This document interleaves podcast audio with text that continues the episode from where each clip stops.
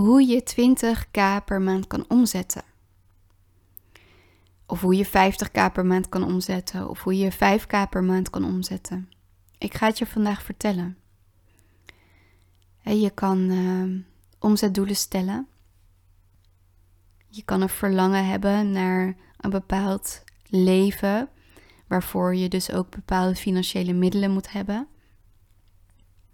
Je kan misschien een visie hebben voor je bedrijf, waarvoor je ook een financiële stabiliteit nodig hebt om, hè, om dingen op te bouwen, om te investeren in je eigen bedrijf, in je klanten, in wat je ze kan geven. En het geheim naar die omzet, naar die 20k per maand, naar die 10k per maand, naar die 5k per maand, maakt eigenlijk niet uit. Er is niet zo'n groot geheim. Vaak gaat het over dat mensen zich niet beseffen dat het gewoon mogelijk is. Het enige probleem wat daarin zit, is dat op een diep niveau mensen, hè, en ook mijn klanten vaak, de overtuiging hebben dat het voor hen niet is weggelegd. Maar het maakt echt geen reet uit. Je kan zeggen van, oké, als ik 5k omzet, ja, dan wordt het voor mij wel lastig om dan 20k om te zetten. Nee, want je bent ook ooit van 0 naar, 5, naar, naar 5k gegaan. Weet je, dat, die weg daar naartoe heb je ook bewandeld. Je kan altijd meer geld verdienen. Dat is niet zo moeilijk. Wat moeilijk is, is je eigen angsten overwinnen. Wat moeilijk is, is je eigen overtuigingen om te buigen. Weet je, die overtuigingen die daarop zitten en die angsten zijn heel erg belemmerend. En ik heb het ook zelf ervaren, want ik heb ervaren dat toen ik met deze business startte, ja, eigenlijk al eerder toen ik mijn eigen praktijk opende als therapeut en familieopsteller, dat de weg naar 10k per maand uh, een tijdje duurde. Terwijl, en nu ga ik iets grappigs vertellen. Toen ik 21 was, heb ik een uh, bedrijf opgericht. En um, ja, dat was eigenlijk ontstaan vanuit een uit de hand gelopen hobby. Ik werkte toen in de modewereld en ik werkte voor allemaal hele chique Franse boutiquejes in het midden van Parijs. En zij vroegen mij om Ehm, de inkopen te doen voor hun collecties. Maar ze vroegen mij ook om aan designers aan te geven, hè, aan hun exclusieve designers aan te geven, wat er in de collectie moest komen. Omdat ik een hele goede visie daarop had. En wat er gebeurde is, alles wat ik bedacht, al die lijnen en al die producten die ik aanraadde of die ik aangaf aan de designers, die werden allemaal als warme broodjes verkocht.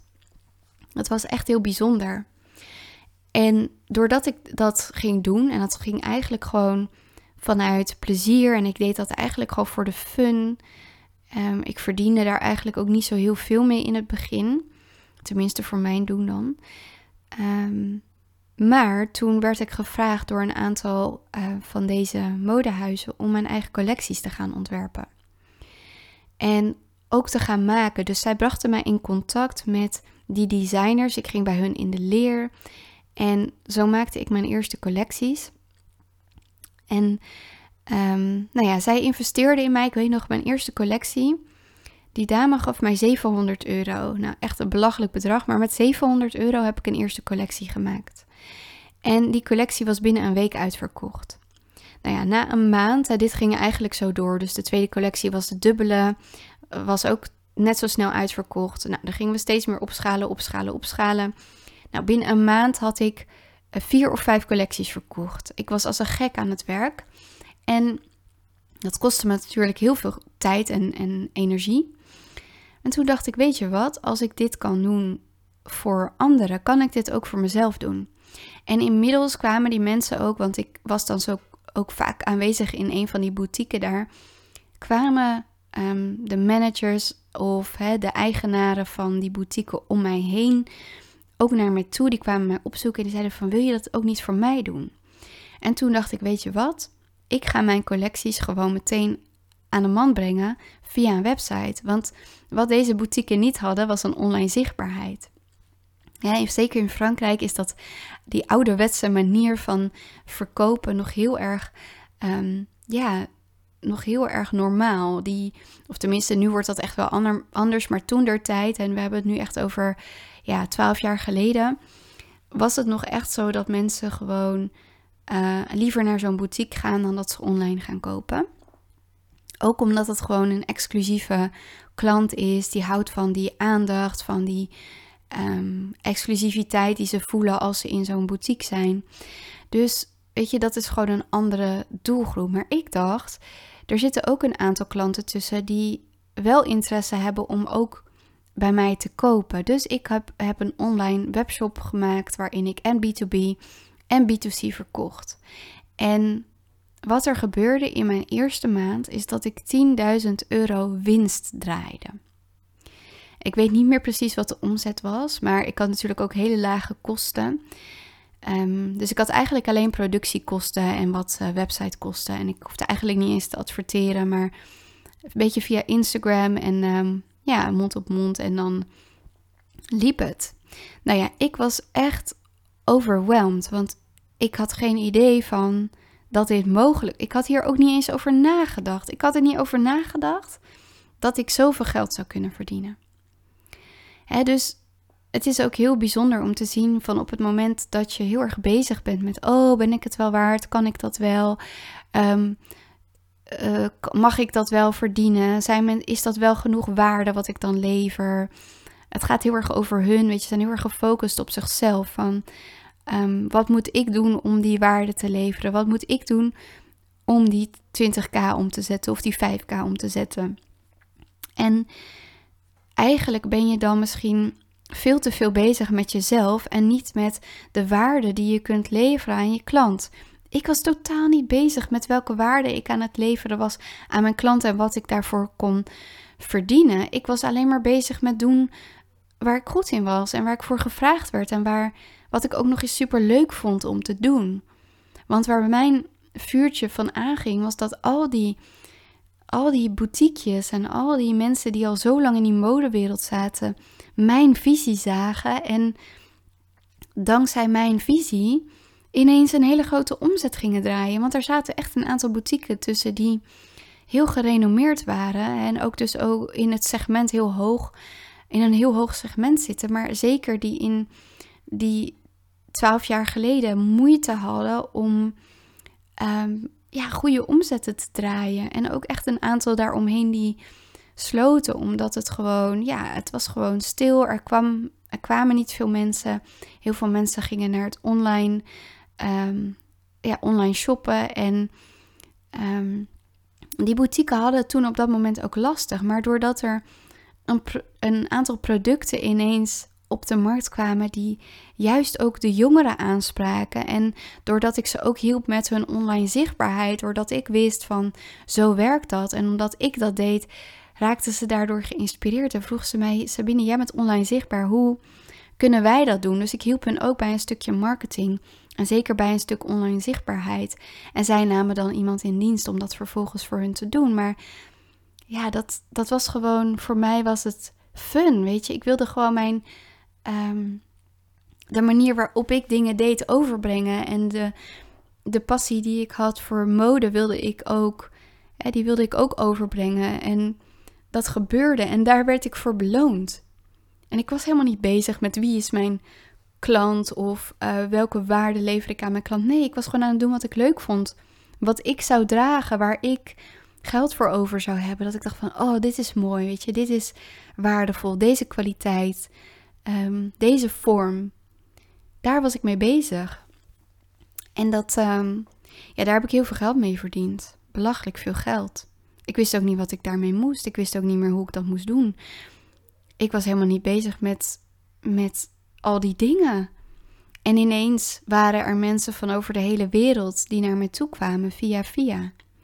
En zo heb ik gewoon een eigen stand gehad in de Dubai Mall waar ik mijn producten mocht verkopen. Of in ieder geval ik niet, maar hè, mijn reseller of, of nou ja, in ieder geval de persoon die dat voor mij deed, die, die bracht daar mijn producten aan een man. En die zei tegen mij, Sabine, je moet je wel beseffen dat de Europese prijzen hier niet te hanteren zijn. Hè? We moeten ze echt twee, drie, vier keer hoger maken. Toen zei ik, nou prima, doe maar.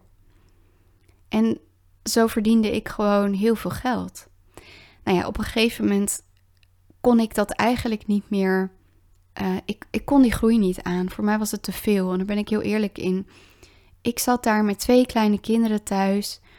En ik deed dat eigenlijk erbij. Ik was daar eigenlijk helemaal niet mee bezig. Ik was ook met hele andere dingen bezig. En ik had. Ja, ik wist gewoon niet wat me overkwam. Ik was bezig met mijn passie over te brengen. Dat liep helemaal uit de hand. En op een gegeven moment. Um, ja, kwam daar zoveel bij kijken dat ik mezelf daarin aan het verliezen was en dat ik dat gewoon niet meer kon dragen. En dat ik ook niet meer wist van, weet je, mijn bedrijf was ineens zo erg, in zo'n korte tijd was het gewoon al een bedrijf geworden, stond het al. Um, kwamen influencers op mij af. Nou, door die influencers werd het alleen nog maar groter. En als zo'n influencer een post maakte, ja, dan had ik weer 50 bestellingen binnen een uur die ik dan moest verwerken. Ik wist gewoon niet hoe ik het moest doen. Ik had daar helemaal geen ervaring mee. Nou, daar heb ik heel erg veel van geleerd. Ehm, en ik heb ook toen gewoon gezegd van het leverde me zoveel stress op. Ik ben van de een op de andere dag gestopt. Ik heb een deel verkocht. En ehm, ja, ik heb toen, uh, ja, ik moet je eerlijk zeggen, ik heb gewoon een heel gedeelte, ja, dit klinkt echt heel bizar, maar ik heb gewoon een heel groot gedeelte van de producten die over waren weggekieperd. Duizenden euro's aan waarde. Omdat ik gewoon niet meer wist wat ik ermee moest. Ik was helemaal overdonderd. Ik, ik moet je ook eerlijk zeggen, ik vertel dit nu, maar het maakte me gewoon letterlijk ziek. Ik wist niet wat ik ermee moest. Ik werd geleefd. Um, er kwamen heel veel dingen bij kijken. Ik kwam ook in hele vervelende situaties daardoor. En ik was er helemaal niet tegen bestand. Ik was gewoon aan het doen wat ik leuk vond. En toen ik besefte van oké, ik ben nu helemaal niet meer aan het doen wat ik leuk vind. Maar het kost me heel veel energie. En um, ik ben mezelf aan het verliezen. Ik weet gewoon niet meer, van, van gekkigheid weet ik gewoon niet meer wat ik moet. Ja, ik ben gewoon gestopt. En um, ik heb heel veel weggegeven en de dingen waarvan ik dacht van, ja, dat zijn toch wel exclusieve producten, die kan ik niet zomaar weggeven. Ja, die heb ik gewoon in een container gekieperd. Ja, dat is echt gewoon uit een soort angst van, ik weet gewoon niet meer wat ik moet. En ehm, als ik daar nu op terugkijk, dan ja, heb ik ook zoveel compassie voor dat meisje wat ik daar was. En gewoon niet meer ja, ik was echt overdonderd door, door het succes wat er op me afkwam. En ik was ook helemaal niet bezig met, met omzet draaien of met geld verdienen of wat dan ook. Ik vond mijn leven prima zoals het was. Maar goed, weet je, dit is ook een illustratie om je te laten zien van het probleem zit hem in het veel te veel bezig zijn met jezelf en met de angst dat je niet goed genoeg bent. En waarin ik mijn klanten dus ook help om um, te gaan kijken naar hoe kun je met die angsten gaan werken. Hoe kun je met die overtuigingen gaan werken. Want het enige wat tussen jou en 20k omzet per maand instaat, is jouw angst dat je het niet waar kan maken of jouw angst dat jij het niet verdient. En ook de focus die je hebt op jezelf. Je maakt jezelf veel te belangrijk. Je, ga doen waar je goed in bent. Ga waarde leveren. Ga kwaliteit leveren. Ga dat naar buiten brengen, de wereld in. En hier komt natuurlijk ook echt een stuk marketing en sales kijken. Daar help ik je ook bij. En dat is ook belangrijk. Maar die intentie van ik wil een omzet draaien, uh, koste wat het kost, zonder dat je daar bereid bent om daar waarde voor te leveren of dat je bereid bent om uit te zoomen en te gaan kijken naar het grotere geheel en dus ook meer te gaan focussen op de waarde die jij kunt leveren aan je klant. Ja, dan ben je gewoon niet de juiste dingen aan het doen. En dus ik help je echt weer met dat centeren op: oké, welke waarde kan ik leveren? Hoe kan ik doen wat ik leuk vind en daar waarde mee leveren aan mijn klant? En hoe kan ik ervoor zorgen dat degene die daar het meeste waarde in ziet, dat kan verzilveren? Ik had het geluk toen er tijd dat ik gewoon in de juiste niche belandde. Dat die klanten al om me heen hingen. Die zaten allemaal op mij te wachten daar. En dus was het voor mij ook moeiteloos om daar geld te verdienen. Terwijl toen ik startte met mijn praktijk was dat anders. Dan heb ik echt wel heel veel dingen in mezelf moeten overwinnen, want het ging veel meer over mijn kennis en expertise. En um, ik had een veel groter vergrootglas op mezelf liggen dan dat ik had toen ik 21 was en gewoon een beetje mijn passie aan het leven was. Dus daar zit een hele grote winst die je kunt behalen om juist ervoor te zorgen dat je veel makkelijker ehm, je omzetdoelen kan gaan behalen. dus het is echt een kwestie van innerlijk werk. En vervolgens, op het moment dat dat helemaal in lijn is, de juiste strategie, de juiste marketing, op de juiste manier zichtbaar zijn en je salestechnieken. En dan komt het, echt waar, dan komt het. Er is, er, er is echt geen reden dat jij geen omzetdoelen kan gaan behalen of dat een grote omzet voor jou niet weggelegd is. Misschien ben je nu de, de, verkeerde klanten aan het targeten. Misschien ben je nu aan het focussen op de verkeerde dingen. Misschien ben je nu te veel aan het focussen op hè, het is voor mij niet weggelegd. En als je het verlangen hebt om daarmee aan de slag te gaan, zorg dat je bij me aanklopt. Ik ga met jou kijken wat er mogelijk is. En zoals ik al vaker zeg, vaak is dat veel meer dan dat je denkt. Vaak is je focus op de dingen uh, die je niets gaan opleveren. Op je angsten, op je belemmeringen, op de hoe dan. Uh, maar wie gaat mij dat dan betalen? Uh, ja, ik ga je vertellen wie je dat gaat betalen. Maar eerst gaan we terug naar die basis. Welke waarde lever je? En wie wil je daarvoor betalen? En dat kunnen we gaan onderzoeken daarin. Heb je interesse om dat te gaan doen? Zorg dat je met mij in contact komt. Als je dit een waardevolle aflevering vond, laat het me vooral even weten of laat een review achter. Ik kom heel graag met je in contact. Zorg dat je mij een DM stuurt als je vragen hebt of als je met mij wil werken.